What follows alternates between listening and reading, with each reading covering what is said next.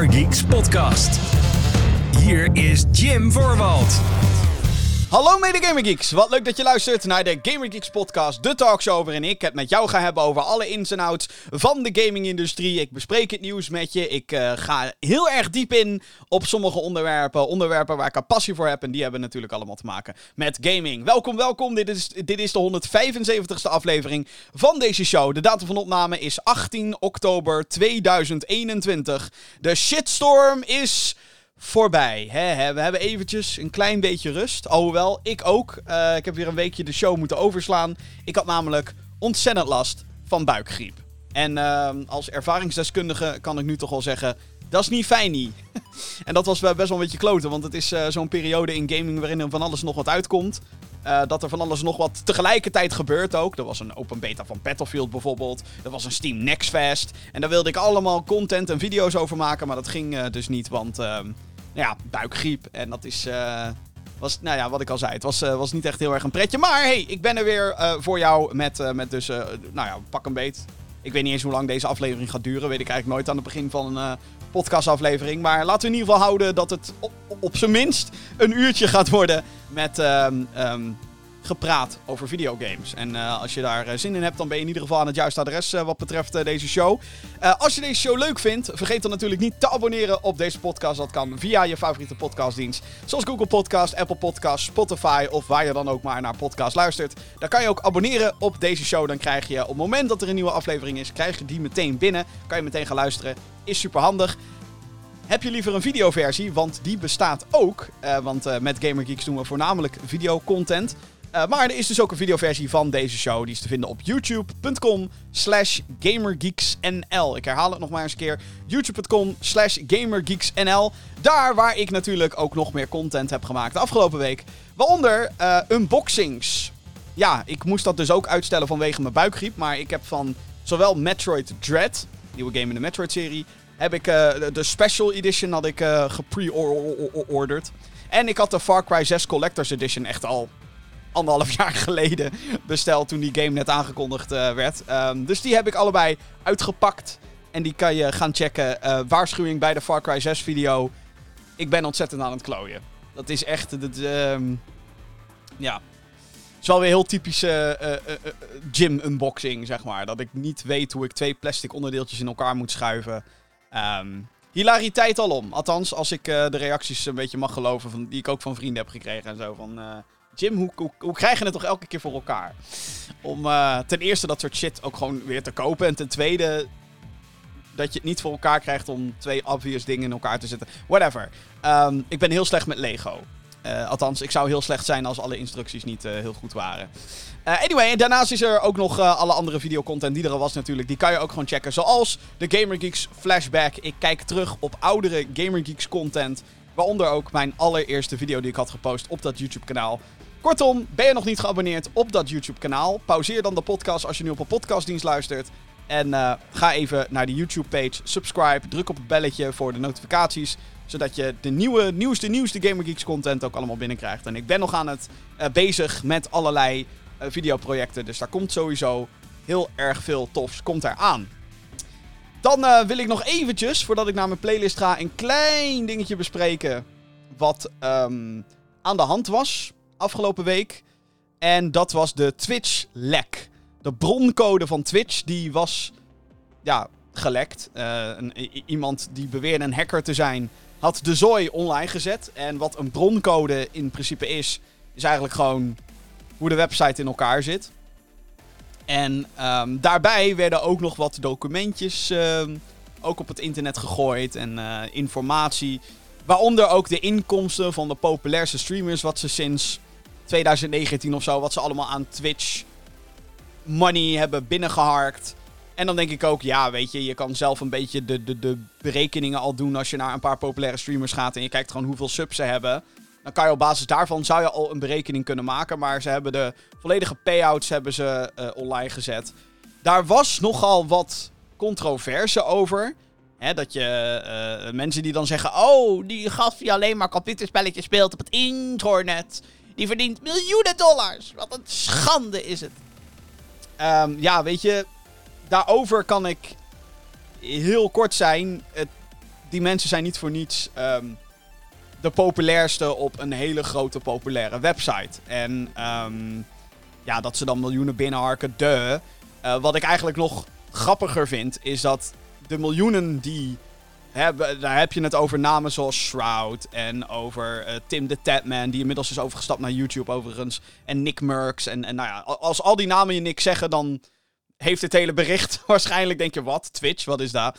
Maar uh, Twitch, nou, mocht je, uh, serieus, kan je deze podcast vinden zonder dat je weet wat Twitch is? Anyway, Twitch is een, een streamingplatform. Mensen streamen daar voornamelijk videogames op, maar er gebeurt van alles en nog wat op Twitch. Ook uh, DJ-sets en, en, en kookshows en mensen die gewoon praten of door de natuur wandelen. Wordt ook allemaal uitgezonden op Twitch. Maar het voornamelijke is gaming, wordt daarop gestreamd. Uh, zoals Gamer Geeks ook. Wij streamen ook wel eens op Twitch en YouTube, overigens. Ja, doe. Hè? Als het toegankelijk is, waarom niet? Um, maar wat ik dus het meest interessante eigenlijk nog vond aan die lijst, is dat je dus hele grote streamers hebt. En dan weten we nu wat ze hebben verdiend sinds 2019 aan Twitch payouts. Want dat was het letterlijk, althans dat stond in dat documentje. Maar wat er natuurlijk nog interessanter is, is dat het waarschijnlijk waar die gasten en dames, het merendeel van hun inkomsten komen vaak niet eens van de subs van Twitch. Maar die komen meestal van gesponsorde acties. Want hey, als je zo'n uh, hele populaire guy iets tofs wil zeggen over je, je nieuwste gamingmuis of een bepaalde game wil laten streamen en ja, dat komt niet uit eigen initiatief, dan moet daar natuurlijk geld voor neergelegd worden. En ik weet zeker dat die bedragen ook heel heftig zijn. Om nog maar te zwijgen over eventuele contracten die er ook nog met Twitch gesloten worden, zodat ze niet overstappen naar bijvoorbeeld een YouTube. Maar goed, dat zijn allemaal uh, dingen. Ik, um, volgens Twitch zijn er geen persoonsgegevens gelekt van gebruikers. Dus uh, alhoewel wel werd aangeraden om wachtwoorden uh, te veranderen en two-factor authentication aan te zetten. Dus dat je bijvoorbeeld een code op je telefoon krijgt um, wanneer je inlogt, dat je die code dan moet invoeren. Raad ik sowieso altijd aan. Uh, maar verder schijnt er niet heel veel aan de hand te zijn geweest rondom Twitch. Het is wel, laten we wel eerlijk zijn, het is wel blunder nummer nou, 113 dit jaar of zo van Twitch. Ik vind Twitch gewoon wat dat betreft een hele hypocriete, domme organisatie. Um, ze, ze wipwappen de hele tijd als het gaat om hun beleid. En ik denk ook dat dit een beetje. Dat, dat de lek van deze broncode. Want dat zegt ook wel iets over hun beveiliging. Als die broncode gewoon gepakt kan worden door iemand. Um, maar ik denk dat de hacker in kwestie. Heeft namelijk hele specifieke dingen uit zijn lek gelaten. Zoals gebruikersinformatie. Want je zou denken dat dat dan ook gewoon erbij zit. Um, ik denk dat deze hacker heel specifiek Twitch als organisatie heeft getarget, zeg maar. En ja, snap ik wel. Want wat ik al zei, Twitch is ontzettend hypocriet bezig geweest. Um, zeker als het gaat om dingen zoals... Oh, uh, ja, je mag niet half naakt op camera komen hoor, op Twitch. Dat kan echt niet, want dan gaan we echt mensen bannen. Vervolgens doen ze dat, omdat mensen zoiets hebben van... Ja, er zijn gewoon... En die zijn er mensen die zeg maar meer van hun lichaam. Eigenlijk gewoon aan Twitch-prostitutie doen. Gewoon streamers die dan in een bubbelbad gaan zitten. En ja, een beetje met hun tieten gaan zitten zwaaien. En uh, daar wordt dan uh, hevig op gedoneerd door. Nou ja, mensen die andere bepaalde gratis websites kennelijk niet kunnen vinden. Um, ik vind dat zelf fucking pathetic dat het gebeurt. Uh, maar er is kennelijk behoefte aan. Uh, en dus had Twitch een keer gezegd van nee, dat mag allemaal niet meer. Je mag geen sexy kleding dragen, bla bla bla bla bla. Uh, toen werd ook die hele, dat hele hot tub streaming werd toen naar de, naar de kloten geholpen. Mensen werden geband. Vervolgens merkte Twitch waarschijnlijk dat er ineens veel minder geld binnenkwam. Want elke uh, sub-abonnement, zeg maar, waar je voor moet betalen op Twitch. Daar gaat een deel van natuurlijk ook naar Twitch. Dus ja, weet je. is dus toen merkten ze, oh shit, we raken geld kwijt. Nou, weet je wat, dan gaan we dan... Oh ja, nee, je mag wel sexy zijn op Twitch. En we hebben nu zelfs een hele hot tub categorie, zodat er geen, geen mistake meer kan zijn over wat je aan het kijken bent. En dan denk ik, oh fuck you, jullie stelletje hypocriete bastards. En het is met meer dingen hoor. Sommige mensen die wel geband worden om, uh, om bepaalde redenen, anderen niet. Bijvoorbeeld uh, dierenmishandeling. Doe, er is een streamer geweest die volgens mij wodka aan een kat heeft zitten voeren. Uh, haar kat op stream wegflikkert. Die wordt dan voor twee weekjes geband. En als een gast dat doet, dan uh, is die voor levenslang geband. Dat soort shit is, is allemaal Twitch wordt volgens mij gewoon gerund door een stel amateurs. En ja, ik, ik, ik moet zeggen dat. Ik vind het gewoon een hypocriet platform eigenlijk. Ik vind het ontzettend hypocriet. Ehm, dus als, uh, als ik ooit voor, om wat voor reden dan ook geband word van Twitch. Whatever. Het kan me, kan me in die zin wel een beetje gestolen worden als ik eerlijk ben. Maar goed. Um, in ieder geval hun beleid kan me echt gestolen worden. Want het is verschrikkelijk. Anyway, genoeg over Twitch. Laten we gaan naar. De playlist. Want. Ik heb het een en ander uh, weer gespeeld. De playlist natuurlijk. Um, waar zal ik eens mee beginnen? Laat ik beginnen met korte impressies. En dan begin ik in dit geval met um, Metroid Dread. Metroid Dread, nieuwste deel in de. joh, je meent het. Uh, Metroid-serie. um, is, een, uh, is een hele belangrijke franchise voor Nintendo. Al wel belangrijk, belangrijk. Het is een serie die niet uh, zo goed scoort als een Zelda of een Mario. Nou, Mario is helemaal natuurlijk de top. Maar, um, ja, de, Metroid. Metro, de Me Metroid Dread. Dit is nou een game. Daar heb ik me ontzettend erg op verheugd. En ik heb me er ontzettend erg op verheugd, omdat dit een 2D Metroid game is. En dit is een game die de hoofdverhaallijn van Metroid weer een keertje doorzet. Metroid um, heeft eigenlijk twee series die tegelijkertijd lopen. Je hebt um, nou, de hoofdserie, waar deze nieuwe game onderdeel van is. En dan heb je ook nog Metroid Prime. Dus dit moet niet verward worden met Metroid Prime 4, die nog steeds in ontwikkeling is. Waar we al letterlijk jaren. Eigenlijk hebben we er nooit wat van gezien, behalve een logootje. Sindsdien is uh, de ontwikkeling ook omgezet naar een andere studio. Bla bla bla, heel gedoe. Uh, maar deze, deze nieuwe game werd afgelopen juni onverwachts aangekondigd. Tijdens uh, een Nintendo E3 Direct. En het was voor mij dus een fantastische verrassing, omdat ik zoiets had van: wow, wacht even. Wat is dit nou? Krijgen we nou gewoon een we krijgen gewoon een. Een, een, een 2D Metroid. Zo, zoals de oudere Metroid games. Nou ja. Ik, ik ben een blij man. Zoals je misschien wel kan voorstellen. Um, en ja, dat is dus heel erg cool. Dat deze game eindelijk de hoofdverhaallijn van Metroid weer een keer doorzet. Uh, de laatste keer dat dat gebeurde was in 2002. Metroid Fusion op de Game Boy Advance was dat. Uh, en sindsdien hebben we wel andere 2D Metroid games gehad hoor. Uh, Metroid Zero Mission ook op de Game Boy Advance, wat eigenlijk een remake was van deel 1. En Metroid Samus Returns op de 3DS. Dat was een remake van Metroid 2. Maar nu gaan we dus eindelijk verder. En er is een bepaalde term binnen gaming ontstaan. Um, die wordt al jaren gebruikt en dat heet Metroidvania. En dat woord is gekomen uit Metroid. Maar ook uit uh, Castlevania. Dus vandaar Metroidvania. En wat het in principe inhoudt is dat het uh, uh, games zijn waarbij je um, ja, gewoon rondrent in een grote wereld. alleen kan je door bepaalde deuren niet heen. Je kan bepaalde enemies bijvoorbeeld niet heel effectief verslaan.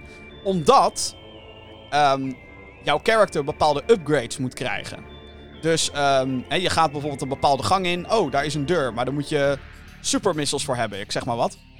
En um, dus je kan niet door die deur heen. Maar dan is een andere deur, daar kan je wel doorheen. En als je daar doorheen gaat en je verslaat dan vervolgens een bos, dan krijg je de super missiles. En daarmee kan je dus weer door die andere deur. En vele andere deuren. Uh, dus dan wordt de wereld zeg maar groter omdat jouw character meer abilities heeft. Um, heel erg tof. Heel tof principe. Vind ik zelf. Um, en Metroid begon daar eigenlijk mee in 19... Wat, wat, wanneer, kwam de eerste? 85 uit mijn hoofd. 87 in Europa en Amerika. Ietsje niet rand. Uh, en Castlevania heeft dat later overgenomen. Uh, vanaf Symphony of the Night in 1997. Even geschiedenislesje hier. En eigenlijk omdat het bij die Castlevania game heel goed werkte, hebben ze dat principe, eh, is dat principe vervolgens in heel veel andere games opgedoken. En werd het dus een Metroidvania genoemd. Wat dus eigenlijk niet klopt, want Metroid was de OG erin. Metroid maakte dat hele principe populair. Dus het zou gewoon een Metroid-like moeten heten. En het zou je dan ook niet verbazen dat Metroid Dread een Metroid-like is. Dus je uh, rent rond op een alien planeet. En um, je begint met hele basic abilities, maar naarmate de game vordert, krijg je er steeds meer. En um, moet je daarmee dus ook nieuwe omgevingen in en, en uh, nieuwe enemies verslaan. En kan je dus ook allerlei geheimpjes vinden, waardoor je meer energy of uh, ammo krijgt voor je missiles.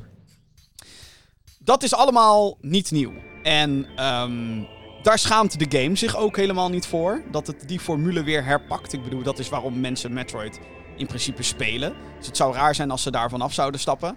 Uh, zeker in een uh, hoofddeel van Metroid. Um, maar die formule werkt nog steeds ontzettend goed. Als ik ook weer. Ik heb nu een paar uurtjes gespeeld van Metroid Dread. Het is trouwens een game die alleen te spelen is op Nintendo Switch. Het is een Nintendo franchise, dus dan ja, kan je dat ook verwachten. Maar deze game, van wat ik tot nu toe heb gespeeld, is niet heel lang. Ik heb nog, twee, ik heb nog maar twee uurtjes gespeeld. Um, maar het is zo'n game waarvan ik, nu ik er ook over praat, denk ik alleen maar, oh, wil spelen, ik wil spelen, ik wil spelen, ik wil spelen, ik wil spelen. Ik wil doorgaan, zeg maar, met die game. Omdat juist dat design van dat hele, hey, je krijgt een upgrade en dan ben je weer sterker. Dan kan je weer meer dingen ontdekken. dat is ontzettend verslavend. Dat werkt ontzettend goed. En uh, Metroid doet dat eigenlijk als geen ander. En wat ik tof vind aan, aan, aan Dread is natuurlijk dat het op de Nintendo Switch is. En dat we nog nooit een, een, een HD... Zeg ik dat goed? Hebben we nog nooit een HD Metroid gehad? In HD? HD-resoluties? Volgens mij niet. Volgens mij is dit de eerste. Zeg ik dat goed? Ja. Want Metroid Prime was allemaal Gamecube of Wii. Ja. Ja, 3DS, ja, dat is ook niet echt uh, high def, zeg maar. Wauw.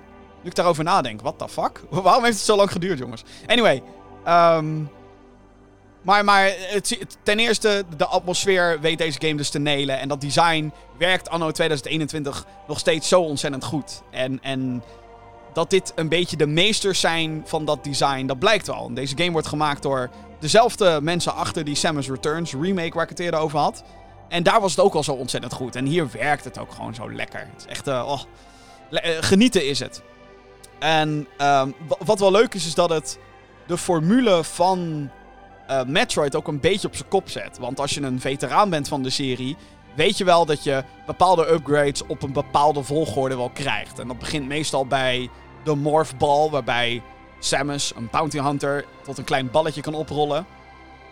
Om zo door hele krappe gangen te kunnen rollen.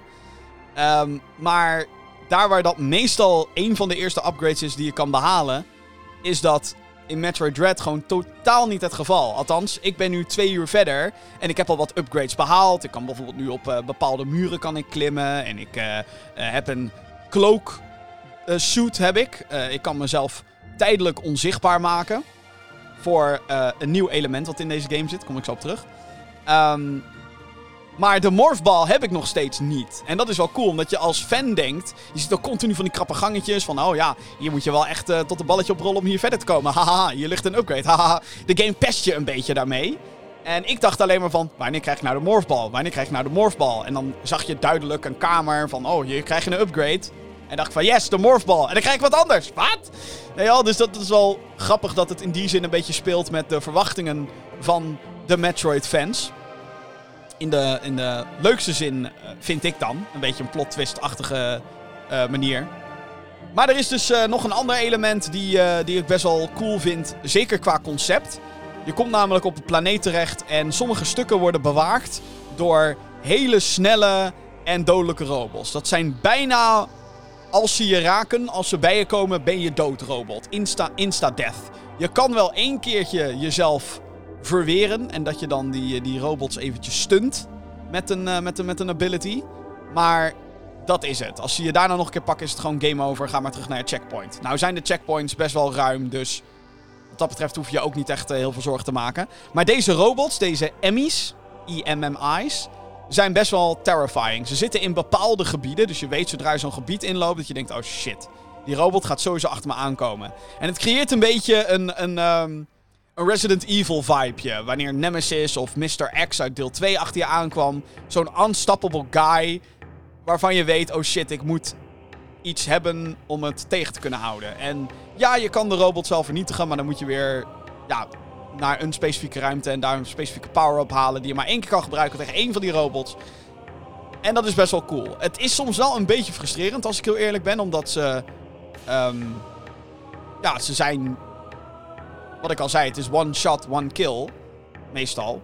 Tenzij je timing echt 100% perfect is. En dan heb je daarna alsnog maar één kansje. Uh, en zeker als je een level nog niet kent, nog niet hebt ontdekt. En je probeert daarin weg te rennen. Dan kan dat nog best wel tricky zijn om dat uh, voor elkaar te krijgen. Maar ik vind het wel een tof element. Ik vind het wel cool dat, dat uh, Samus, de bounty hunter, die, die normaal juist andere dingen opjaagt in de meeste van de games. Eh, dat je nu echt moet wegrennen. Nou is dat aan zich niet eens de eerste keer dat dat gebeurt. Dat je voor bepaalde enemies moet wegrennen. In, in, in oudere Metroid games was dat ook al soms zo in sommige sequenties. Maar nu voelt het wat meer in thema. Als je een beetje snapt wat ik bedoel. En ik vind het wel... ik vind het wel tof hoe ze dat gedaan hebben. En ik ben benieuwd hoe dat in de rest van de game gaat zitten. Um, ja, Metroid Dread. Ik, uh, ik ben fan. Toffe 2D-actie. En toch wel een soort van uh, must-play voor de Switch. Als ik uit moet gaan van de eerste twee uur. Maar je weet hoe dat gaat bij mij.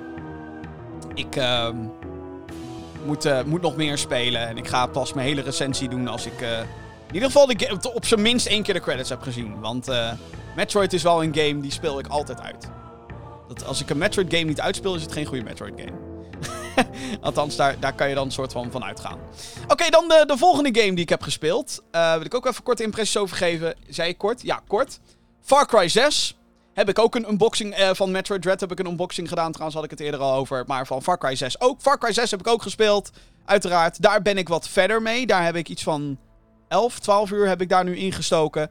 En uh, op het internet is er een beetje een verdeeldheid als het gaat om uh, Far Cry. Far Cry is een open world first-person shooter serie. Waarin je meestal in een, um, een exotisch land wordt gedropt als speler. En um, meestal is er dan een, een, een, hele toffe bad guy die alles beheerst. En uh, die moet je uitschakelen. Maar voordat je dat kan doen, moet je eerst allerlei puntjes gaan overnemen. En, en belangrijke generalen, dan wel lieutenants, dan wel discipelen uitschakelen. En dat doe je in een grote open wereld. Waarin je um, ja, enemies gewoon uitschakelt en opdrachten doet voor allerlei, um, voor allerlei mensen, voor allerlei personages en zo. En, um, nou ja.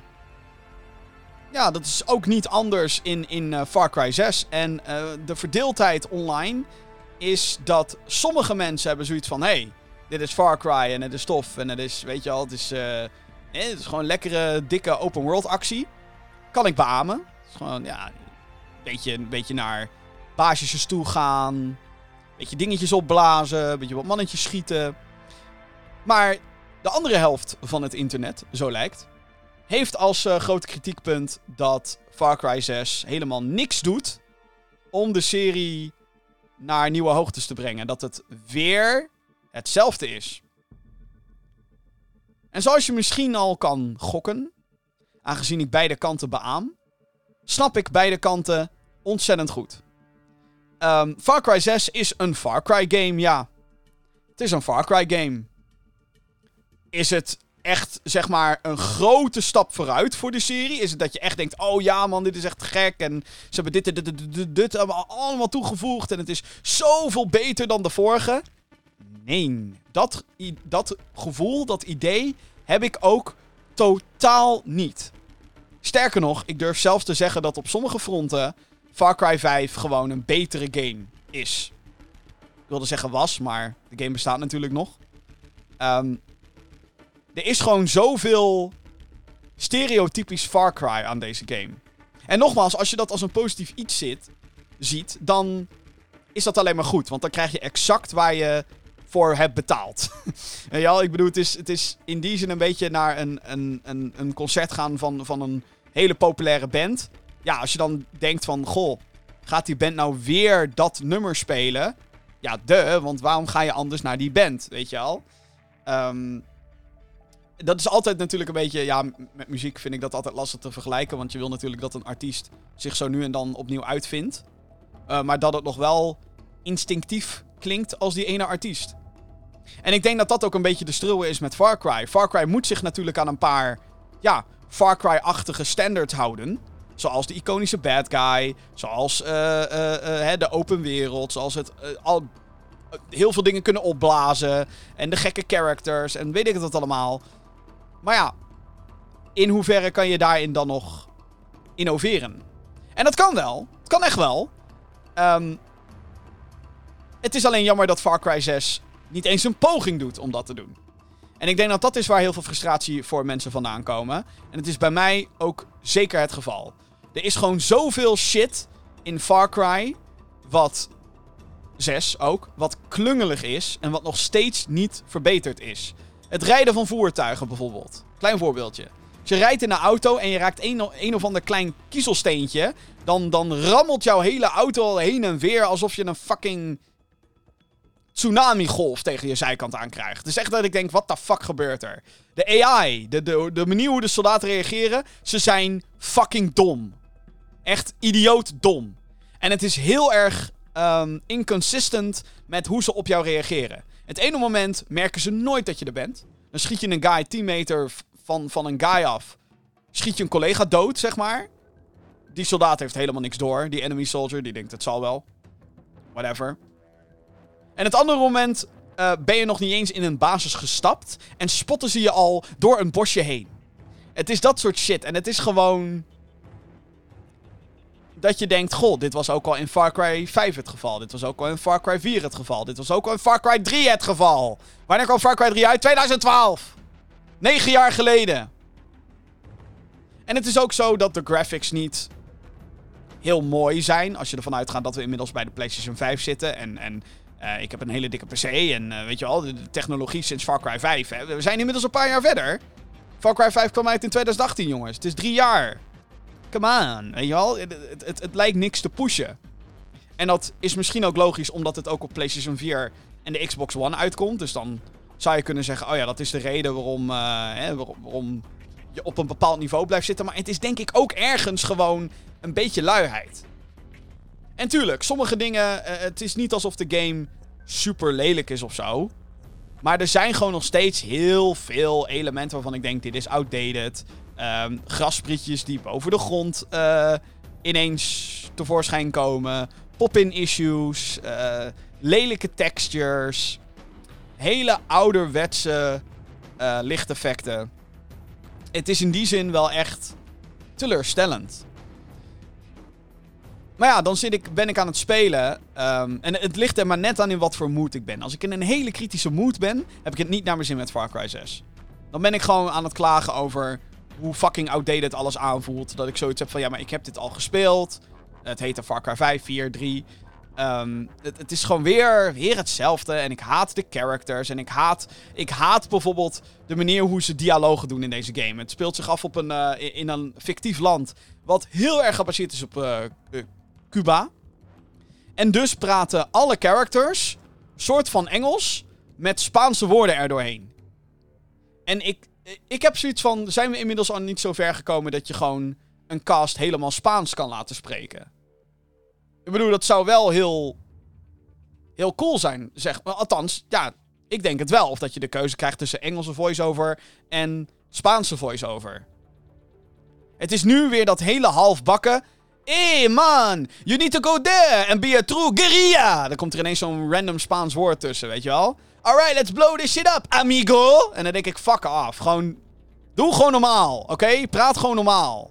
Het is gewoon best wel cringy. En misschien is het omdat mijn grens daarin is bereikt. Omdat ik misschien ook te veel The Walking Dead heb gekeken. Waarin ook zo'n fucking kut personage zit. Die dan de hele tijd Amerikaans spreekt. Maar dan soms met een random amigo en uh, uh, ke ertussen. Om, om, want ja, ze is Latino, hè? Ze is Latino. Dus dat moeten we even doorheen drukken door haar random Spaanse woorden te laten spreken. En then again, in The Walking Dead is het veel logischer omdat die serie zich geplaatst vindt in Amerika. Maar in Far Cry is het een fucking Cuba.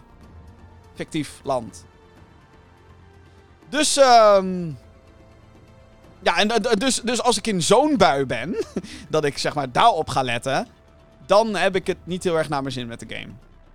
Maar dan zijn er dus ook uh, uh, mood swings van mij, waarbij ik mijn brein uitzet, gewoon een beetje ga spelen en gewoon denk, oh ja, ik ga gewoon een paar van die vraagtekentjes, van die dingen op de map, ga ik gewoon wegvagen. Gewoon even om wat te doen. Soms ben ik met mensen op Discord aan het lullen. En dan ben ik ook gewoon lekker aan het spelen. En dan, ja hoor, kan ik best wel naar mijn zin hebben.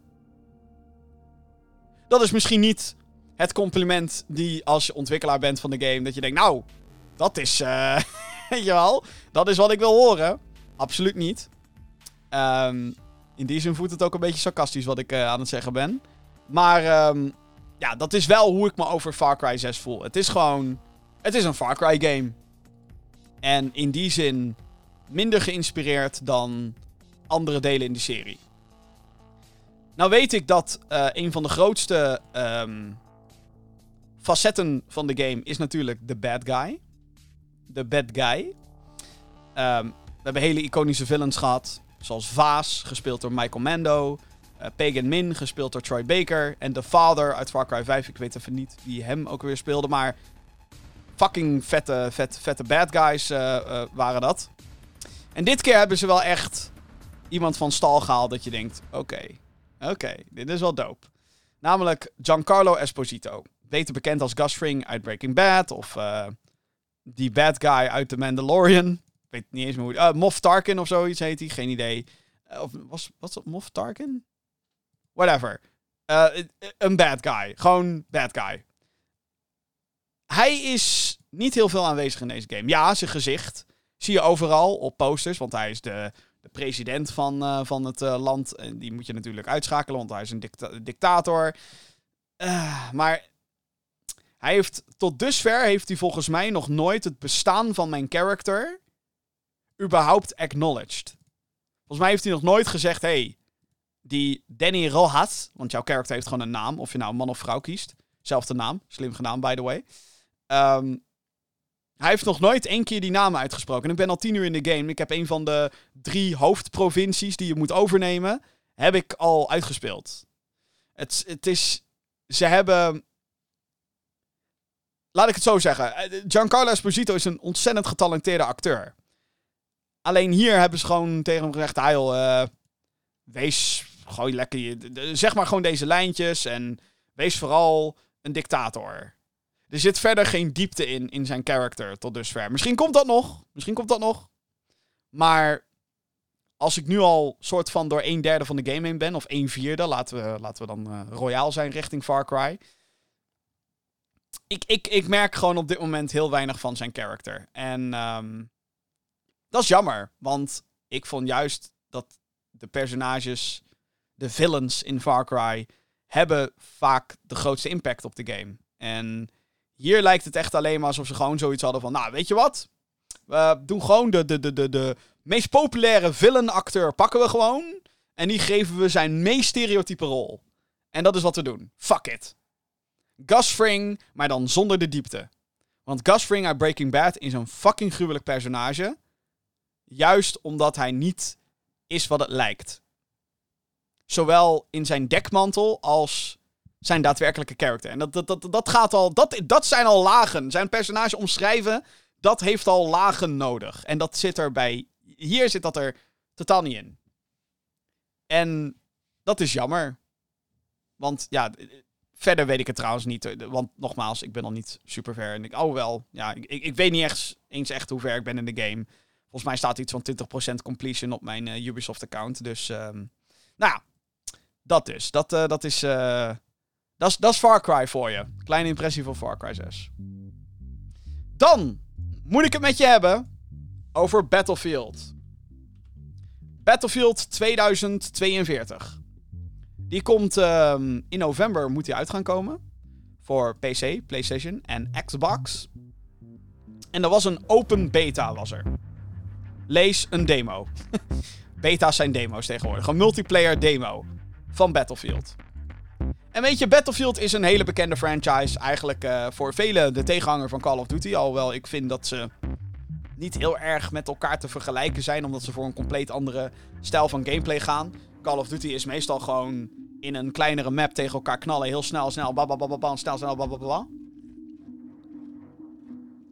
Daar waar Battlefield veel meer gaat over een gigantisch grote levels met verschillende punten. En waar veel meer nadruk ligt op um, voertuigen. Tanks en vliegtuigen, en helikopters en, en quads en auto's en boten, schepen, wat je ook wil, wil. Het zit allemaal in Battlefield. De nieuwe uh, speelt zich dus af in de, in de dichtbije toekomst. En um, ja, Battlefield staat toch al bekend om prachtige graphics en, en toffe immersieve gameplay. En de, de, de teamplay qua squads en, en nou ja, dat allemaal bij elkaar gegooid in toffe levels. En dan krijg je, heb je een Battlefield game. Nou, komt er dus een nieuwe aan. En de beta die ze online hebben gegooid was ontzettend karig.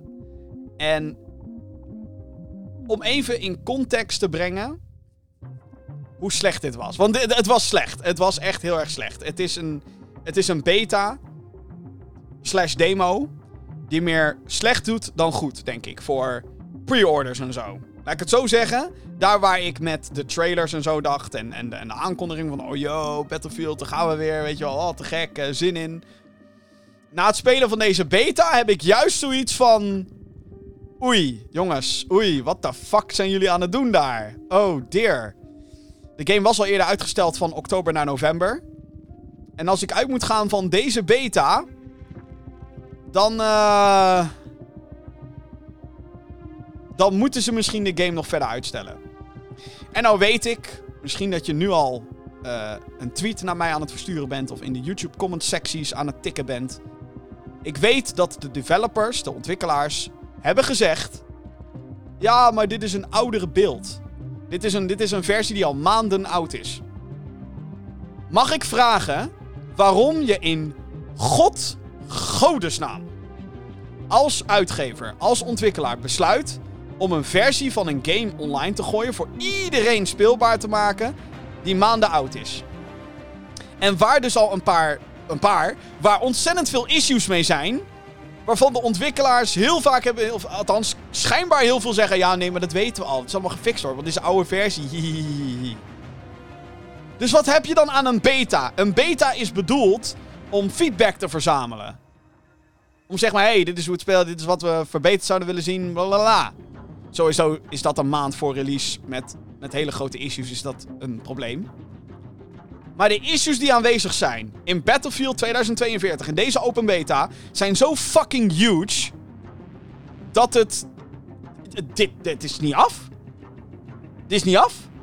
En ja, het is een oude beeld, maar dat is een bullshit excuus. Waarom zou je dan. Waarom doe je een maandag. De logica ontsnapt bij mij volledig. Volledig gaat me aan mij voorbij waarom je een oudere versie van een game laat spelen. Waarom doe je dat? Overigens is het woord beta ook gewoon compleet naar de galamiezen. Omdat beta van origine betekent dat iets alle functies heeft. Maar dat er nog wat, hè, dat er nog wat bugfixes gedaan moeten worden. Deze beta was niet feature complete. Het was één level. één level. eh, met eh, één mode. Conquest. Punt. Dat was het. Dat was het. 128 spelers. Helikopters, voertuigen, noem maar op. Tegen elkaar knallen, punten overnemen en gaan. Eén level. Ik kan je vertellen dat dat level. Ja, ik vond het niet heel boeiend. Het was een, eh, een, een ruimtestation. Geloof ik. Met een gigantisch groot flatgebouw. En dan een raket die afgevuurd kan worden. Ehm, een launchpad, zeg maar. Best wel tof. Best wel tof. Ehm, maar ja, één level. Dat raakt. Ja, ik, ik, ik raakte dat best wel snel zat, zeg maar. Maar de problemen met de beta. Wat zijn nou eigenlijk de problemen met de beta? Heel veel functies werkten gewoon niet. Gewoon non-functioneel. Glitches overal.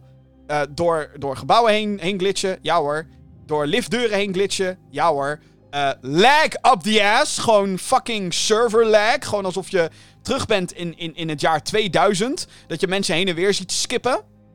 Er waren ook al ehm, berichten dat er hackers aanwezig waren in Battlefield 2042. Nice.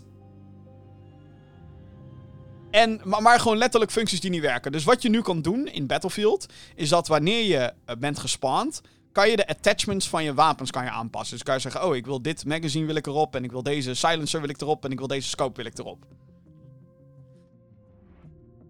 Ook dit werkt gewoon niet.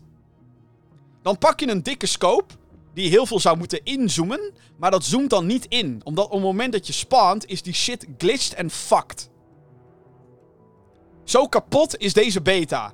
Basisfuncties van de game werken niet. Ik vraag me echt af welke idioot het heeft bedacht om dit te releasen. Als open beta, als showcase van hey, dit is wat de game gaat worden. Want het is echt kapot aan allerlei kanten. Gameplay vloeit niet lekker. Hit detection is kapot. Ehm, er is ook een, een, een, een glitch in de game. Dat als je in een voertuig zit. En je zit dan niet als bestuurder, maar aan de turret van een tank bijvoorbeeld. dat dan de camera de hele tijd heen en weer, heen en weer flikkert, zeg maar. Een soort van twitchy bewegingen. Veel plezier met richten. Als je camera de hele tijd gewoon een soort van heen en weer gaat. Alsof je continu geglitcht bent. En dan stel ik mezelf dus oprecht de vraag: wie, wie bij DICE, bij EA, heeft deze versie gespeeld en dacht: ja, dit moeten wij aan de hele wereld moeten wij releasen als zijnde: hé hey man, dit is hoe de game gaat worden. Dit wordt gruwelijk. Ja. Verschrikkelijk. Verschrikkelijk. Sowieso is de balans van de wapens is compleet off. En ze hebben nu een nieuw class system hebben ze. Of eigenlijk niet. Nu kies je characters. Um, operators kies je nu. Dat in, in, in, in, oudere Battlefield games had je uh, een assault klasse. Die had dan een uh, assault rifle en uh, die kon dan, had dan vaak anti-tank wapens of mijntjes die die kon neerleggen of whatever. Dan had je de medic. Nou, die had dan health packs, mee, health packs en kon mensen supersnel omhoog helpen wanneer ze neergeschoten werden. Maar had dan niet de allersterkste wapens. Had dan submachine guns, die goed zijn voor dichtbij. Maar ga je verderop knallen, nou, dan heeft dat geen zin. Uh, dan had je support en die had dan ammo crates bij zich. Die kon wat zwaardere wapens meedragen. En je had snipers. Nou ja. Aan zich klinkt dat wel goed. En waarschijnlijk mis ik nu een paar klassen hoor. Maar dat, dat was een beetje de stereotypische rollen binnen Battlefield. Oké. Wat hebben ze nu? Nu hebben ze personages die elk wapen en elke gadget of whatever uh, mee kunnen dragen. Maar elke operator heeft specifieke, uh, een specifieke ability die zij of hij kan doen. Dus zo is er een gast die heeft een drone en die kan uh, eh, EMP blasts uitvoeren. Zodat je tanks bijvoorbeeld tijdelijk kan uitschakelen. Oké, cool. Dan is er een andere die heeft een grappling hook. Dus die kan op makkelijk op gebouwen komen, et cetera, et cetera. Nu kreeg ik al soort van berichten binnen, zo van ja, maar dit betekent dus dat, er, dat iedereen gierig gaat spelen en dat iedereen alleen maar voor assault gaat en dat er geen teamwork meer is. Ik denk serieus dat als je in Battlefield wilt slagen, dat je, um, ja, dat, dat mensen moeten variëren met klassen. Want je kon in de oudere Battlefields, in elke squad, kon je ook gewoon zelf je klasse kiezen. Het is niet alsof het beperkt was tot zoveel assault, zoveel medics, et cetera, et cetera. Dat was gewoon niet het geval. Um, dus, dus die, die klacht zou blijven, zeg maar, met, met dit nieuwe systeem. Het probleem met dit nieuwe systeem is, is dat iedereen op elkaar lijkt. Daar waar je in uh, nou, Battlefield 5 was bijvoorbeeld Tweede Wereldoorlog. Dus daar had je heel vaak de geallieerden tegen de nazi's. Dus die hadden andere kostuums en andere call-outs ook. Ja, ik heb een vizier! Nou, dan weet je, oké, dat is een Duitser die dat roept. Joh. Um, hè? Dan weet je, oké, er zit een Duitser hier. Maar nu is dat compleet weg. Omdat iedereen op elkaar lijkt. Want iedereen heeft dezelfde operators. Vier, of uh, hoeveel zaten er in deze beta? Volgens mij ook maar vier van de. Hoeveel moeten dat er worden? Ik, ik weet niet eens hoeveel het er moeten worden, maar. Je kan dus niet goed het onderscheid maken tussen je team. Of tussen jou, jouw eigen team en, en de enemies. Wat dus betekent dat je eigenlijk meer alleen maar naar rode letters aan het kijken bent van naampjes die in je beeld komen zodra je met je gun langs het scherm heen gaat. In plaats van dat je echt aan het kijken bent naar waar enemies lopen. En of je ze snel kan herkennen door bijvoorbeeld een ander kleurenpalet van hun kostuum. Iets wat in oudere Battlefields dus wel degelijk een ding was.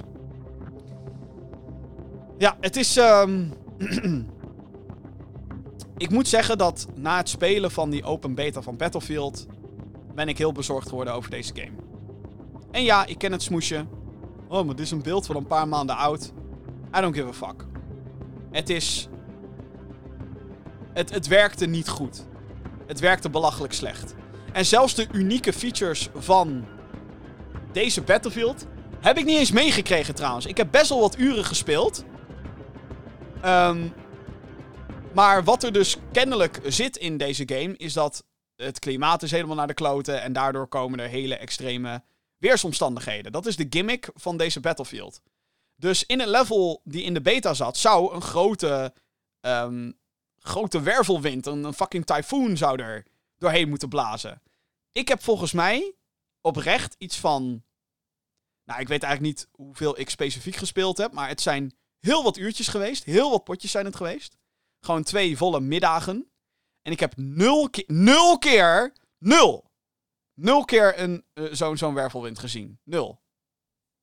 En nou weet ik niet of, het, of, het, of je een bepaald iets moet doen als team zijnde om het te triggeren. Maar ik, ik heb het gewoon niet gezien. 0,0 keer. Dus voor mij voelde het als een hele generic, slecht uitgevoerde, onafgemaakte Battlefield game. Die ehm, nog lang niet klaar is. Nog lang niet. Er is ontzettend veel werk aan de winkel. En ik ben echt een beetje pissig op het feit dat de game in zo'n conditie is. Ook al is dit een beeld van een paar maanden oud. Wat heb je dan aan deze beta? Wat, wat, wat, wat, is dan het nut? Behalve dat je hoopt pre-orders binnen te halen. Want dat is je enige doel geweest. En dat, dat is super cynisch. En tuurlijk, weet je, het is een groot bedrijf, het is EA en bla bla bla. Dat hoort er allemaal een beetje bij. Maar het is. Ja, ik. ehm, Ik weet gewoon niet hoe het nou verder moet met deze game. Want ook al is deze, was deze versie, deze open beta, een paar maanden oud. Wie zegt me dat de shit echt gefixt is? Dat de zooi die ze beweren, dat ze die willen gaan fixen, dat dat echt gemaakt is. Dat het straks werkt. Gaat dat gebeuren? Gaat dat echt gebeuren? Want ik twijfel. Ik twijfel heel erg hard en heel erg dik. En ik ben er niet geheel van overtuigd dat het ook echt gaat zijn. En dat dit dus een game is die het niveau zou moeten hebben van een Battlefield game. En ehm, dat maakt me best wel sad eigenlijk. Dat maakt me heel erg sad, omdat ik... Ik vind Battlefield leuk. Ja, het principe erachter is hartstikke leuk. Mits je een goed werkende game hebt. En als die basis, als basisfuncties niet werken in een open beta, die je een maand, anderhalf maand, laten we dan ook eerlijk zijn, anderhalf maand voor release aan de hele wereld laat zien. Oh, oh, oh, oh, oh, oh, oh, jee, jee, jee, jee. Oh jee. Als, eh, als de ontwikkelaar dit nog goed wil maken, moeten ze een shitload aan livestreams gaan doen. Of gewoon zeggen, joh, je kan een paar dagen gratis spelen of zoiets nog. In de, in, met de release versie. Geen idee hoe ze dat willen aanpakken, maar... Oh jeetje. Zometeen in de Gamer Geeks podcast. Nintendo die komt met laatste updates voor twee van hun grote games. GTA die komt weer terug, soort van, met oudere games. En wordt Call of Duty Warzone gered van hackers? Dat zijn de vragen waar ik antwoord eh, aan je ga geven in Nieuws. het nieuws. En we beginnen bij. bij een aankondiging van een game. Van een uitgever die compleet de weg eh, kwijt is. Als je het aan mij vraagt. Ah, De Franse uitgever Ubisoft heeft een presentatie gehouden om het 20-jarig bestaan van de Ghost Recon franchise te vieren. Ghost Recon staat voornamelijk bekend om zijn eerder eh, tactische games die gebaseerd waren op het werk van Tom Clancy, schrijver. De serie bereikte zijn piek tijdens het Xbox 360 tijdperk met de release van Ghost Recon Advanced Warfighter. Sindsdien heeft de franchise ups, ups en downs gehad. Wildlands, die uitkwam in 2017, is nog steeds ontzettend populair. Maar het vervolg, Ghost Recon Breakpoint, wordt, werd. Met updates is het nu al wat beter, maar het werd in ieder geval bij launch door bijna iedereen afgekraakt. Hoe viert Ubisoft nu de 20ste verjaardag van Ghost Recon? Nou, als volgt. PC-spelers die krijgen de allereerste game gratis op Ubisoft Connect. Dat is hun eigen service.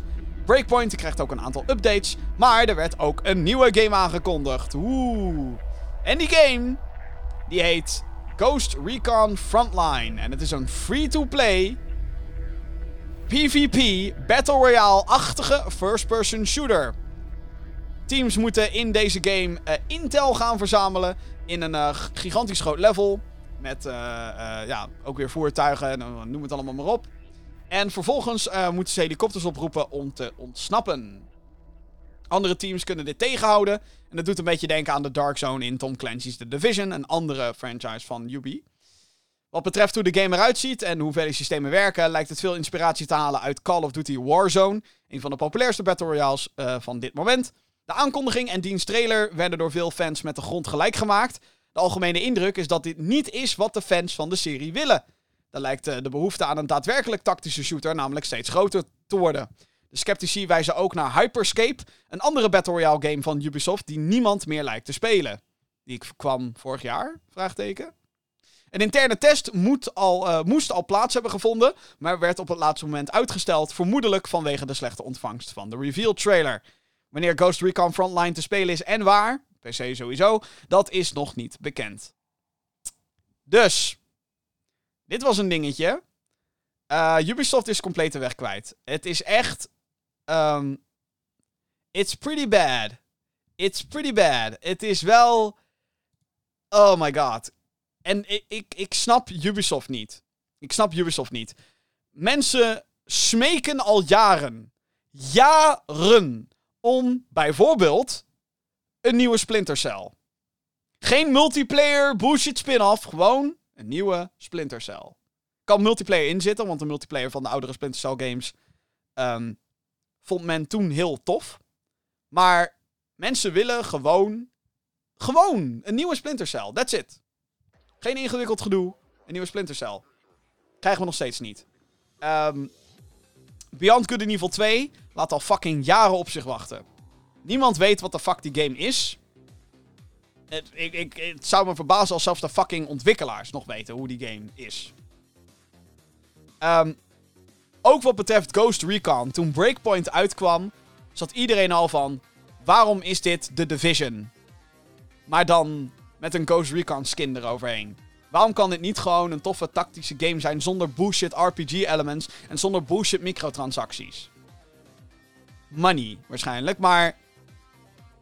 En toen, toen, de, toen de stream begon van, van dit Ghost Recon gebeuren, zag iedereen: oh man, ik hoop echt dat ze, dat ze weer met een toffe tactische game gaan komen. Zoals de old school Ghost Recon. Gewoon die, die hele nostalgie. Maar die, die nostalgie werd ook opgewekt tijdens die stream. Omdat ze allemaal mensen erbij kwamen hadden van... Oh ja, het verhaal in Ghost Recon is super belangrijk. En uh, oh ja, die tactische gameplay, dat is echt... Uh, ja, we hebben heel veel van geleerd als ontwikkelaars ook en zo. En ja, het is echt tof om uh, daaraan mee te schrijven, bla bla bla. En wat kondigen ze vervolgens aan? Een fucking free-to-play Battle Royale.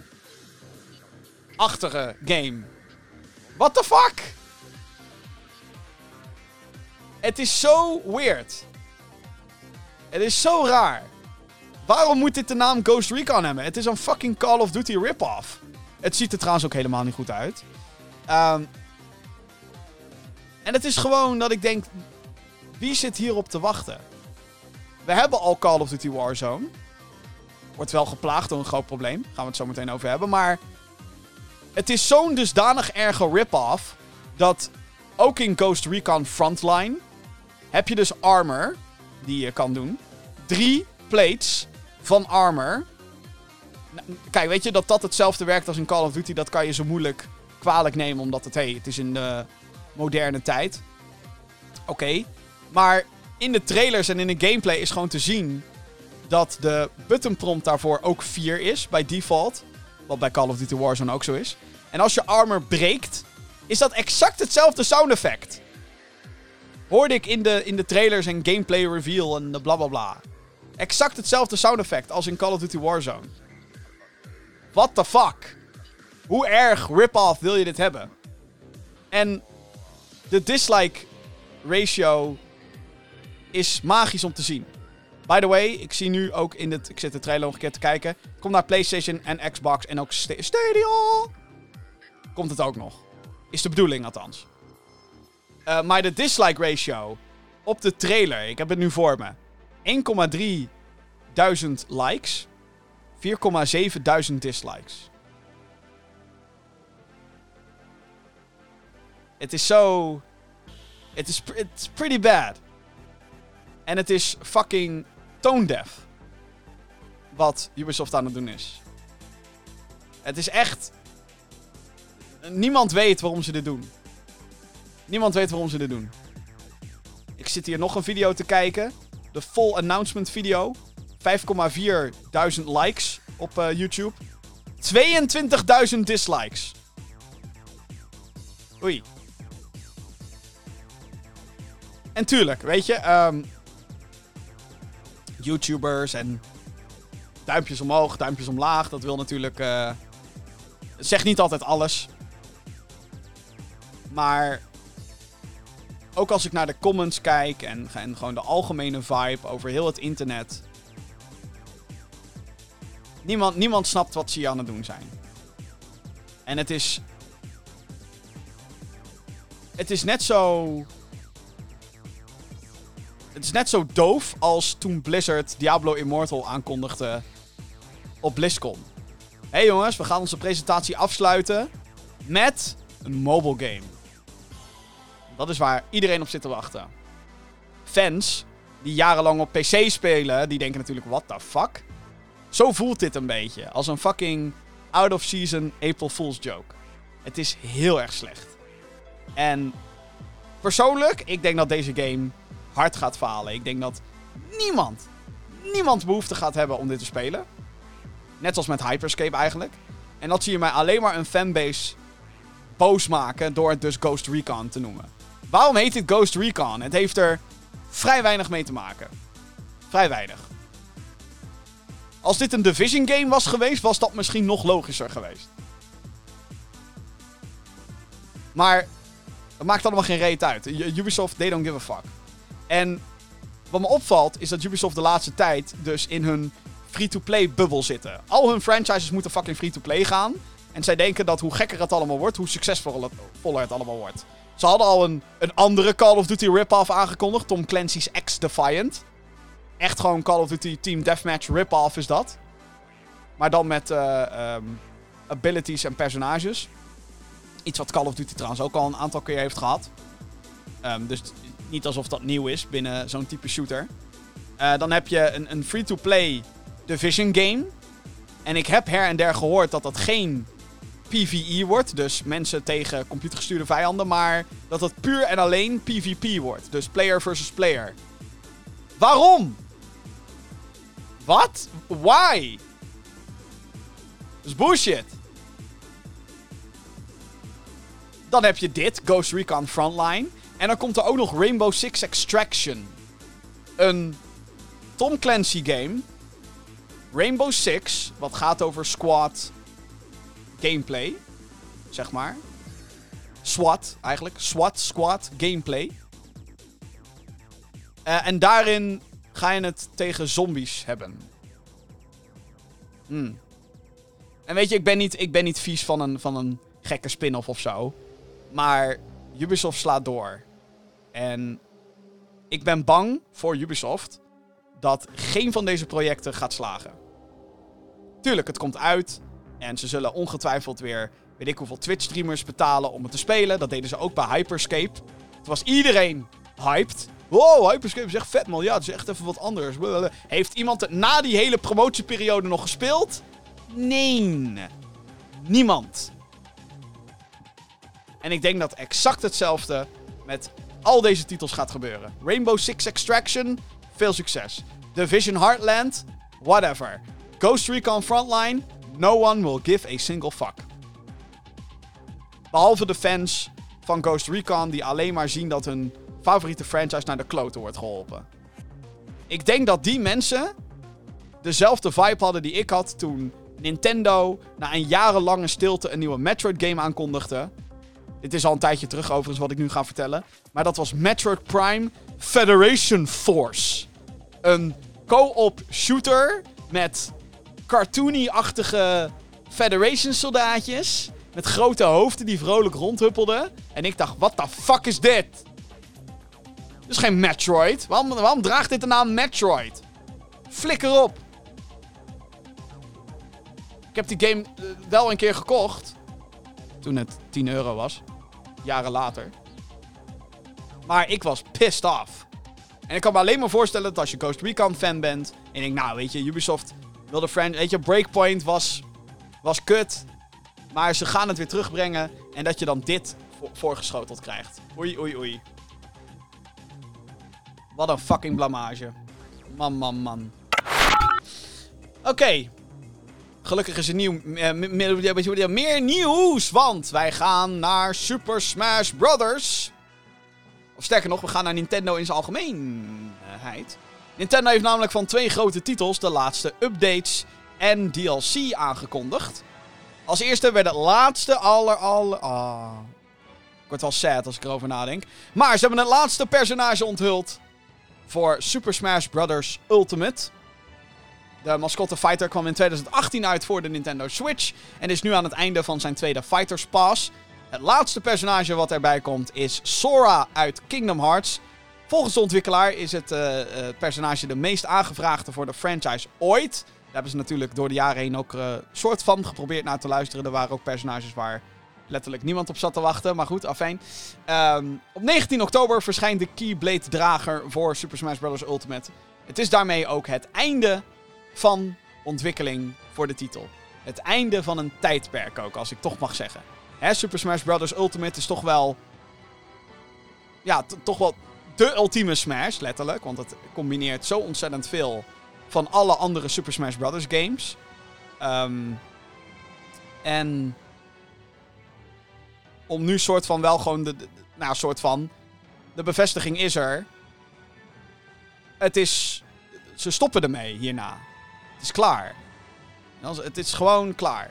Ze, stoppen met, met maken, ze stoppen met ontwikkelen. En nou ja, ik weet niet, erg, ergens heb ik toch het idee dat ze er nog meer uit hadden kunnen halen. Dat ze nog een Fighters Pass konden doen met nog meer videogame characters waar mensen waar je niet, niet alleen maar die, die leuk zijn voor de memes en, en waar heel veel fans omheen zijn die dat heel graag zouden willen spelen, maar ook waar je daadwerkelijk interessante characters omheen kan maken voor Smash. Aan de andere kant snap ik ook heel goed dat eh, Sakurai, eh, de director van Smash, er inmiddels ook wel een beetje klaar mee is.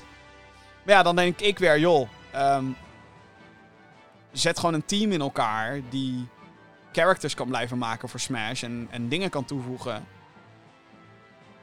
En dan, ja, kan dat weer doorleven. Maar dat, ze hebben eh, heel, kennelijk heel bewust gekozen om dat niet te doen.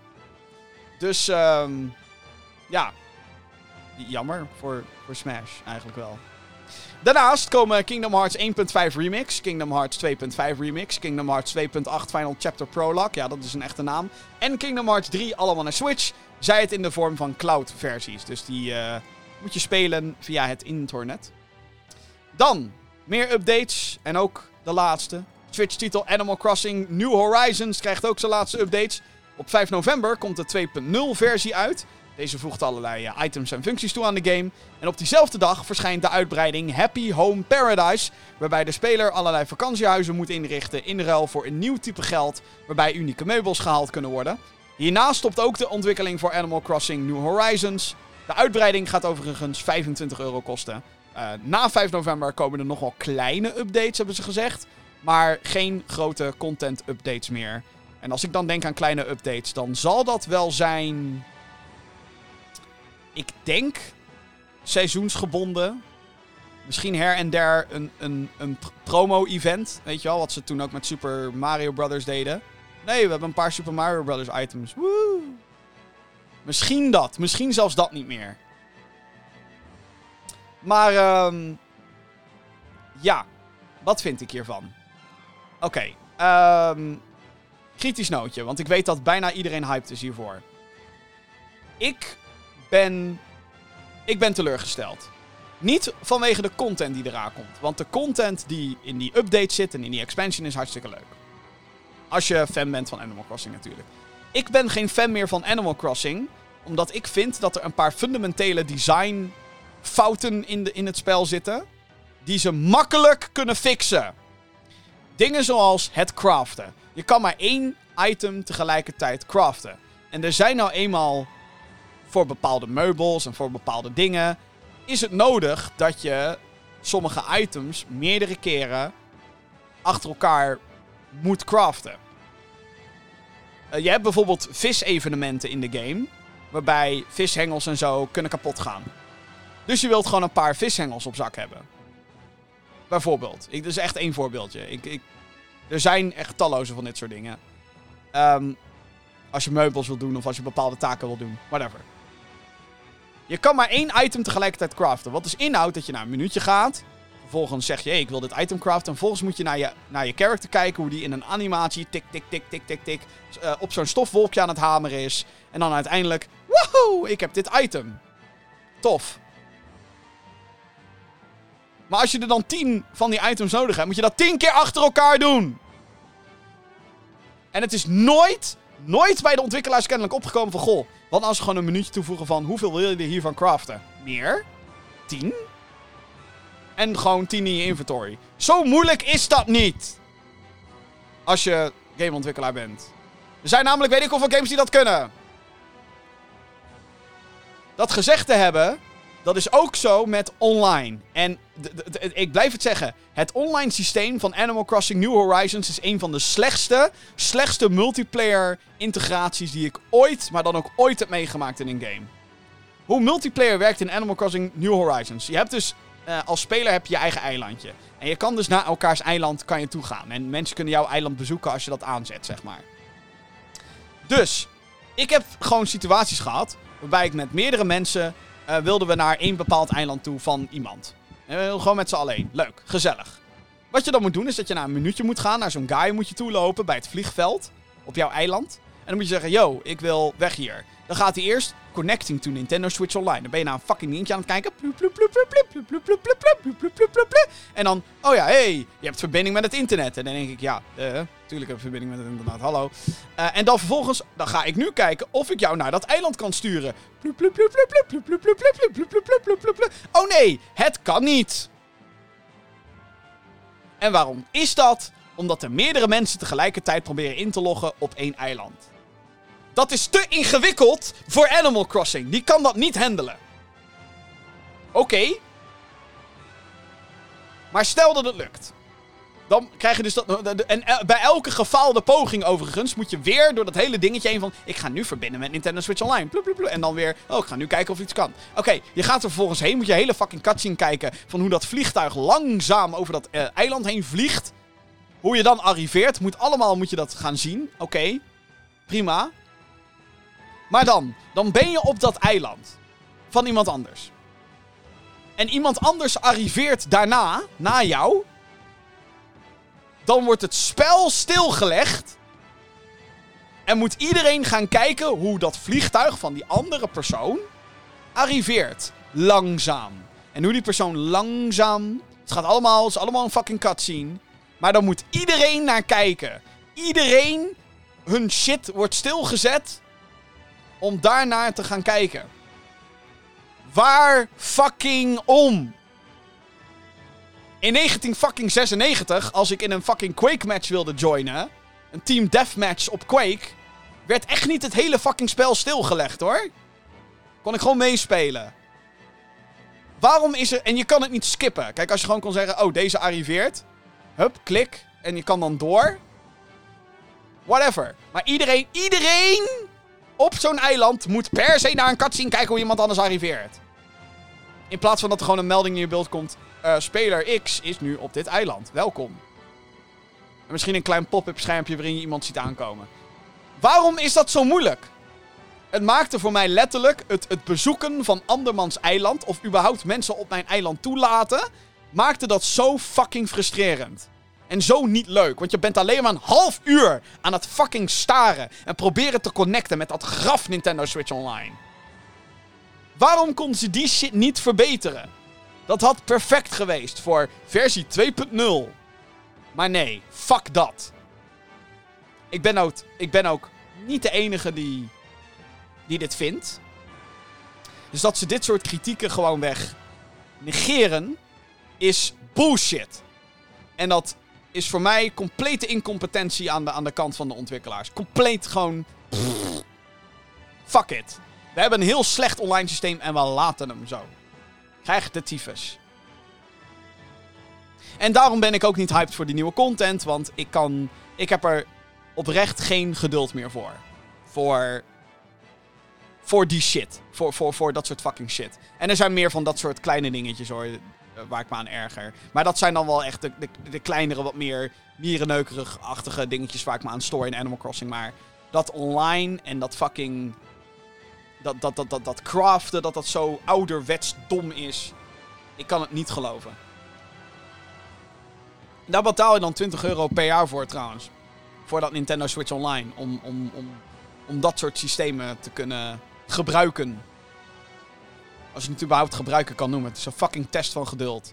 Schrikkelijk. Goed. Daarover gesproken. Want er is meer aan de hand. Tijdens de Animal Crossing Direct wist Nintendo namelijk ook nog iets anders bekend te maken. Namelijk meer info over de uitbreiding van hun online abonnement. Het huidige Nintendo Switch Online abonnement geeft je de mogelijkheid om games online te spelen. En geeft daarnaast ook toegang aan de NES en SNES apps. Ehm, waarbij je een aantal retro games kan spelen. Er zijn er niet superveel, het zijn er maar een paar. Uh, nou oké, niet een paar, het zijn er een stuk of 30 geloof ik voor beide. De NES heeft er wel wat meer, maar whatever. De uitbreidingspas, dus die, die online dienst, krijgt een uitbreidingspas. En die geeft je toegang tot een beperkte bibliotheek aan Sega Mega Drive titels en Nintendo 64 games. Dat niet alleen, ook de aankomende Animal Crossing uitbreiding zit inbegrepen bij deze uitbreidingspas. Ja, dat hoorde je goed. Ik snap ook niet wat de fuck er aan de hand is, maar je hoorde het goed. Um, de uitbreiding gaat wel weg van je account als je besluit om te stoppen met het dure abonnement. En de prijzen, die zijn best heftig te noemen. Daar waar het normale Nintendo Switch Online 20 euro kost voor een individueel abonnement en 35 voor een family plan, dus dan kan je meerdere uh, accounts kan je daaraan linken. De nieuwe, de versie met de uitbreidingspas dus, kost 40 euro voor individuen en 80 voor de familieversie. Even cru gezegd, dat is een verdubbeling van de prijs. Voor, bij launch in ieder geval, 9 ROMs van Nintendo 64 spellen. Die je dus alleen maar online kan spelen. Je moet verbonden zijn met het internet om dit te kunnen doen. Um, met online functionaliteiten, dat dan weer wel, maar oké. Um, en een, uitbreidings, een uitbreidingspakket voor een game die je misschien niet speelt. Ik weet niet waar de fuck Nintendo... Ik weet niet wat voor kook ze hebben daar in Japan. Maar welke... Sorry, maar... Wie verzint die prijzen? Een verdubbeling? Van een abonnement? Die eigenlijk al niet zo heel goed is, als we even heel eerlijk zijn. Een verdubbeling van de prijs voor 9 Nintendo 64 games bij launch. We weten niet, er komen nog meer aan, maar we weten niet in wat voor tempo die uit gaan komen. We weten niet of er één per week bij komt, of, of, of eens in de maand, of twee in de maand. Zoiets zal het waarschijnlijk wel weer zijn, dus het duurt misschien fucking lang voordat eindelijk Majora's Mask erop staat. Nou, die Sega Mega Drive games, ja, met alle respect, maar... Die, die kennen we nou wel. Sonic 1, Sonic 2, fucking Golden Axe, een, een Castlevania game. Wat ik overigens ook, ook nog eens heel ironisch vind. Een Castlevania game in de Sega Mega Drive collectie. Maar Castlevania 1, 2, 3 en Super Castlevania 4 zijn nergens te bekennen in de NES en Super Nintendo apps. What the fuck? En voor Amerikanen is het trouwens nog lulliger. Dan gaat het van 20 dollar naar 50 dollar. En wat hier heel dodelijk aan is voor Nintendo, is dat ze met deze prijzen um, letterlijk in de buurt komen van PlayStation Plus. Die 60 euro per jaar kost. Als je die twee dingen tegen elkaar op gaat botsen. No. Nintendo fuck af. Gewoon, oké? Nintendo fuck af. Ik denk dat iedereen 20 euro per maand. Of per maand. Per jaar kon tolereren. Omdat, hey, het is best wel cheap. Een vergelijking met 60 voor PlayStation Plus. En, uh, hè, krijg wat NES en wat SNES shit en je kan online spelen. Oké, whatever. Dat kunnen we met z'n allen slikken. 40 daarentegen? Nee, nee, nee, nee, nee, nee, nee, nee. Nee, nee, nee, nee. Mijn advies, persoonlijk, is um, fuck de uitbreidingspas van Nintendo Switch Online. Laat het maar, lek laat maar lekker gaan. Laat. Laat gaan. Let it go. Het zal wel. Haal, als je Animal Crossing fan bent, haal de expansion gewoon los. Behoud je, je, je Nintendo Switch Online abonnement. En have fun. Have fun. Oprecht. Ga plezier maken, alsjeblieft. Maar. Die prijs. Ik, ik snap er helemaal niks van. Het is een. Het is, het is bizar. Het is echt bizar. En de, en de waarde en de, en de, en de. De bullshit gewoon. De, de, de. Nintendo had al lang. Al lang. Een veel breder, toffer aanbod kunnen pakken. Met dit Nintendo Switch abonnement. Ze hebben zo'n gigantische library. Aan, aan toffe games. Gigantisch. Een gigantische backlog. Alleen maar vanuit hunzelf. En ze kiezen, ze kiezen ervoor om daar bijna niks mee te doen. De Super Nintendo app op de Switch heeft Donkey Kong Country 1, 2, 3. En dat is een godswonder. Dat dat erop staat. Terwijl in realiteit zouden er honderden titels op kunnen staan. Maar ik denk dat Nintendo niet genoeg aanbiedt voor de derde partijen. Ik denk dat ze zelf veel meer kansen zien om dingen opnieuw te verkopen. Um, het, het, het, is zo. Het is echt een waste. Het is een waste. Neem bijvoorbeeld nu Metroid Dread uit is, hè? Er is nu een nieuwe Metroid uit is. Oké. Waarom kan ik... Ik kan Metroid 1 spelen via de Switch Online NES shit. Ik kan Super Metroid spelen via de Super Nintendo, Nintendo Switch shit. Maar Metroid 2 kan niet op Switch. Um, Metroid Fusion kan niet. Metroid Zero Mission kan ook niet. Het zijn allemaal games. Uh, die de laatste twee die ik noemde zijn Game Boy Advance games. Waarom kan ik dat nergens spelen, Nintendo? Waarom niet? Waarom bestaat daar geen app voor? Waarom is dat niet onderdeel van jouw. Het is een. Hun, hun, hun uitrol daarin is zo raar. En het is onverklaarbaar. Het is in die zin heel typisch Nintendo. In de zin van dat ik er geen reet van snap. Waarom ze in godsnaam dit soort shit doen. En volgens mij is er al een hele lange tijd niet zo negatief gereageerd op, een, op Nintendo nieuws dan de prijs van, van dit, deze uitbreidingspas. En dan is misschien het positieve nieuws dat niemand gedwongen wordt om die uitbreidingspas te nemen. Wil je je Animal Crossing uitbreiding? Prima. Maar koop dan gewoon de uitbreiding los. Ook dat trouwens. Waarom zit die fucking Animal Crossing uitbreiding erbij? Oké, ja, ik weet waarom. Om mensen te overtuigen van... Hey, jij bent Animal Crossing fan toch? Je moet de uitbreidingspas hebben. Daar word je eigenlijk gewoon keihard door genaaid. Want je betaalt dan eigenlijk gewoon 20 euro extra per jaar voor een uitbreiding. Die... En als je dan stopt met die uitbreidingspas, dan is je expansion weer weg. Come on, Nintendo. jullie zijn beter dan dit. Jullie zijn beter dan dit. Be fucking better. En hou op met dit soort onzin. Goed. Rage voorbij, hoop ik. Uh, dan gaan we naar een andere fitty. Althans, dit vind ik dan wel weer, uh, dit vind ik dan wel weer lachen. Het kan zomaar zijn dat het gedaan is met voetbalgame FIFA. Wat? Is het gedaan met voetbalgame FIFA? Nee, nee, niet helemaal is misschien wel wat overdreven, maar het kan wel zijn dat de serie niet meer verder gaat onder de naam FIFA. De voetbalorganisatie, FIFA dus, de daadwerkelijke ja, gewoon overkoepelend uh, voetbalgebeuren. De voetbalorganisatie heeft gezegd dat uitgever EA de markt voor voetbalgames te veel domineert. Naar verluid vraagt de organisatie rond een miljard dollar om de naam FIFA voor de games te kunnen blijven gebruiken. Het zal je niet verbazen dat EA er niet uh, om staat te trappelen om dat te gaan betalen. Maar daar heeft de uitgever al antwoord op, want uit gelekte merknaamaanvragen blijkt dat EA overweegt om een voetbalgame voortaan EA Sports FC te gaan noemen. Tijd zal leren of dit de uiteindelijke naam wordt, of dat er wellicht alsnog een deal komt tussen EA en de FIFA. Overigens heeft EA wel weer een, een, een licentiedeal getekend waarbij ze uh, de meeste gelijkenissen en clubnamen en, en bla bla bla allemaal mogen blijven gebruiken. Dus dat blijft wel.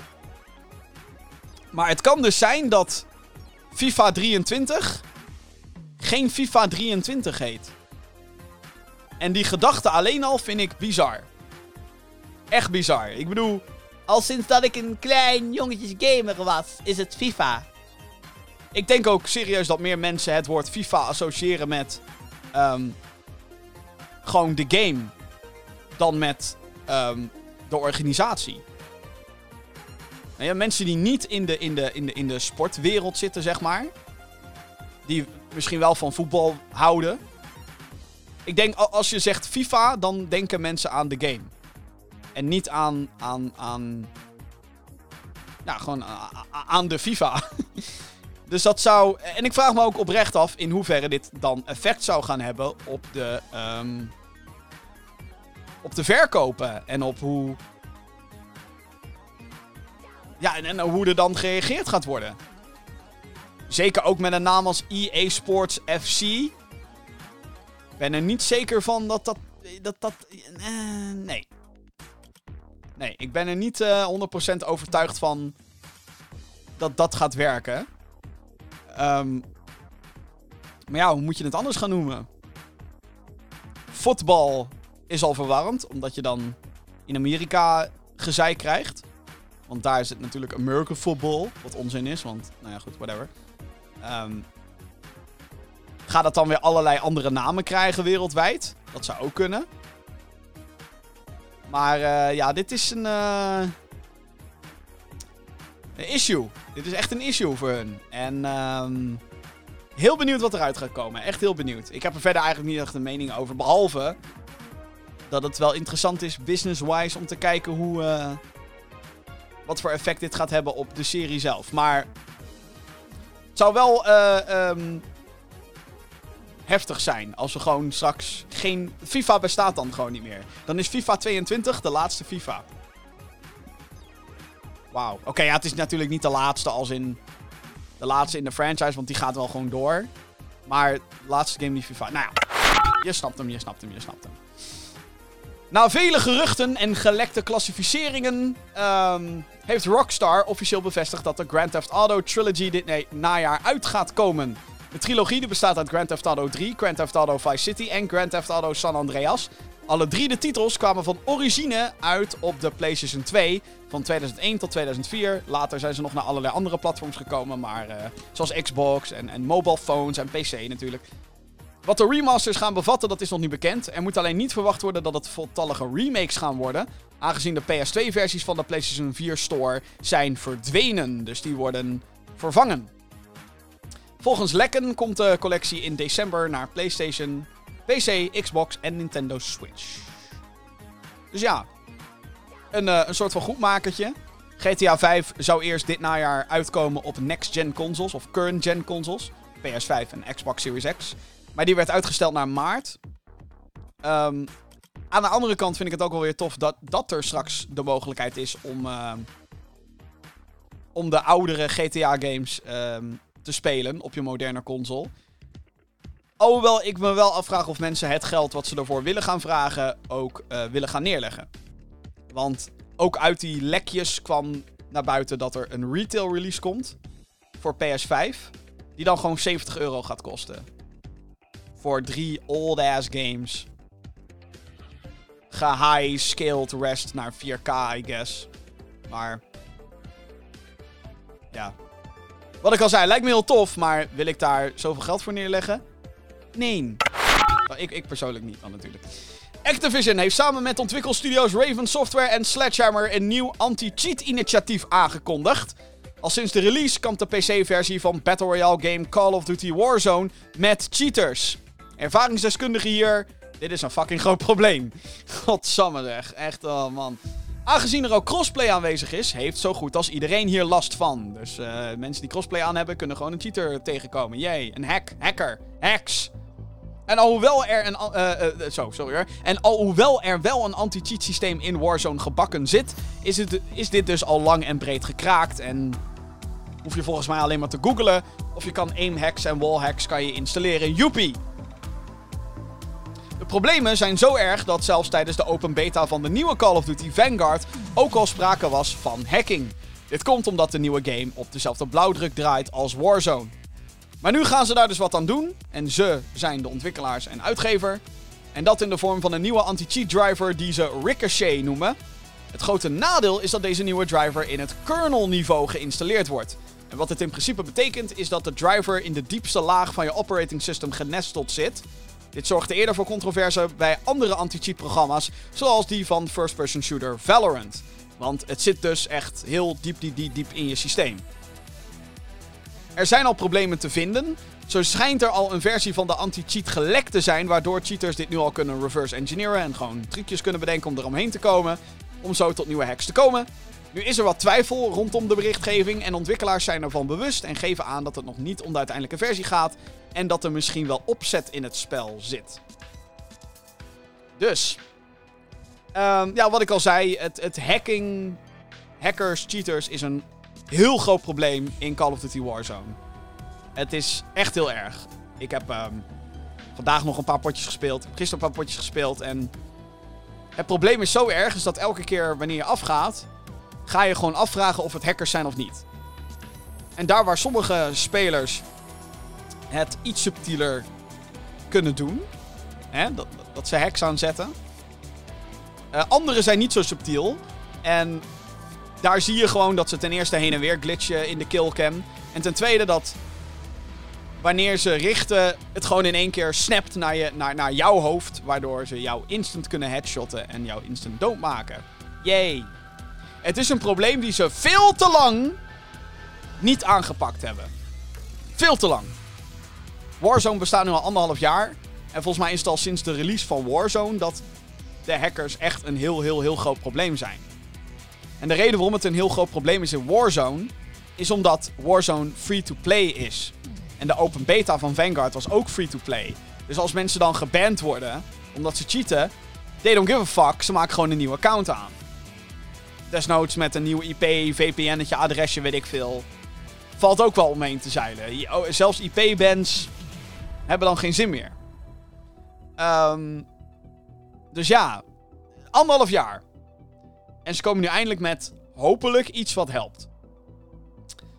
Ik denk, slash hoop, dat de, de zogenaamde lek van de anti-cheat, dat dat inderdaad opzet is. Dat is gewoon, hahaha. We willen eigenlijk ook gewoon een beetje weten wat jullie doen wanneer jullie toegang hebben tot de files. Zeg maar, wat, wat, wat, wat gebeurt als jullie... Wat, wat, wat die hackertjes doen als ze zogenaamd toegang hebben tot, uh, tot de driver. Uh, heb ik er wat op tegen dat zij in de kernel kunnen zitten van jouw computer? Heel eerlijk, het is inmiddels soort van onvermijdelijk. Um, althans, ik ga er even vanuit dat de mensen die dit gemaakt hebben en die dit maken, dat ze tot de conclusie zijn gekomen dat tenzij je dat, als je dat niet doet, dat er dan altijd wel een hack of een, een omweg gemaakt kan worden. Waardoor je de game voor heel veel andere mensen verneukt. En natuurlijk is het bij free-to-play games als Call of Duty Warzone gewoon zo. Als er minder mensen spelen, komt er gewoon weg minder geld binnen. Want hoe meer mensen er spelen, hoe meer mensen er uiteindelijk vroeg of laat geld aan gaan uitgeven. Um, hè, Battle Passes alleen al uh, leveren ze nu nog geld op. Dus ja. Um, het, is, het is een groot probleem. Heel groot probleem. En ik um, mag hopen dat deze anti-cheat gaat werken. Vooral ook omdat ze er zoveel promotie achter steken en zoveel aandacht, persberichten, de hele bende. Zelfs uh, een soort van uitdagingsposts hebben gedaan op Twitter. Van, hey cheaters, jullie tijd zit er bijna op. Ha ha ha ha. Oké, oké. Bold, uitdagend om dat soort dingen te roepen. Um, ja, ik, uh, ik, hoop het, want hey, ik, uh, ik speel ook Warzone. En ik word er wel een beetje moe van dat, uh, dat er cheaters zijn. Nu al. En ik speel niet eens zo superveel. Ik heb niet, niet zoveel gespeeld als heel veel anderen. Moet je nagaan hoe erg dat voor die mensen is. Dus, um, please, laat het dan ook gewoon werken. Oké, laat het werken. Laat het, het gewoon. Als dit niet werkt, dat, dat, dat is het hè. Als, als, als deze nieuwe anti-cheat ook weer binnen een dag omzeild wordt, kan het wel eens klaar zijn met Call of Duty Warzone. Dan kan het wel eens zo zijn dat heel veel mensen gewoon gaan zeggen: Oké, dat is het, doei, ik ben weg. Dat plus het risico dat er een nieuwe map komt, die misschien niet zo leuk is als de huidige map. dat, dat is ook nog iets waar ze tegenaan kunnen lopen. Maar dat, bespreken we tegen die tijd wel. Maar goed, eh, ze gaan er eindelijk wat aan doen. Laten we dus hopen dat het werkt in godsnaam. En tot zover dan het nieuws van eh, deze week. En tot zover ook deze aflevering van de Gamer Geeks podcast. Ja, ik zit, zit er gewoon alweer, alweer gewoon bijna op. Ehm, ik had het aan het begin van deze opname over een uurtje. Het zijn er anderhalf geworden. Waarvoor mijn eh, excuses. Alhoewel, ja, ik eh, hoor van sommigen dat eh, hoe langer de podcast, hoe leuker ze het vinden. Dus, nou goed.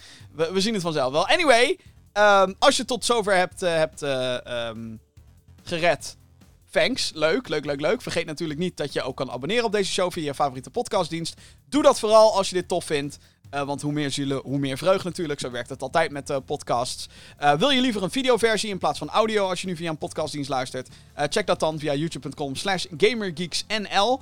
En vergeet natuurlijk ook niet te abonneren op dat YouTube- YouTube-kanaal. Want daar is nog meer content op te vinden dan alleen maar deze podcast in videovorm. Eh, daar is bijvoorbeeld ook unboxings en, en previews. En ik ga allemaal... Reviews zijn er ook. Ik ga allemaal leuke dingen ga ik nog maken.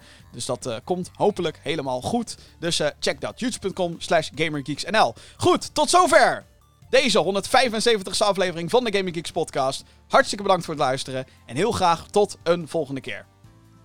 Doei!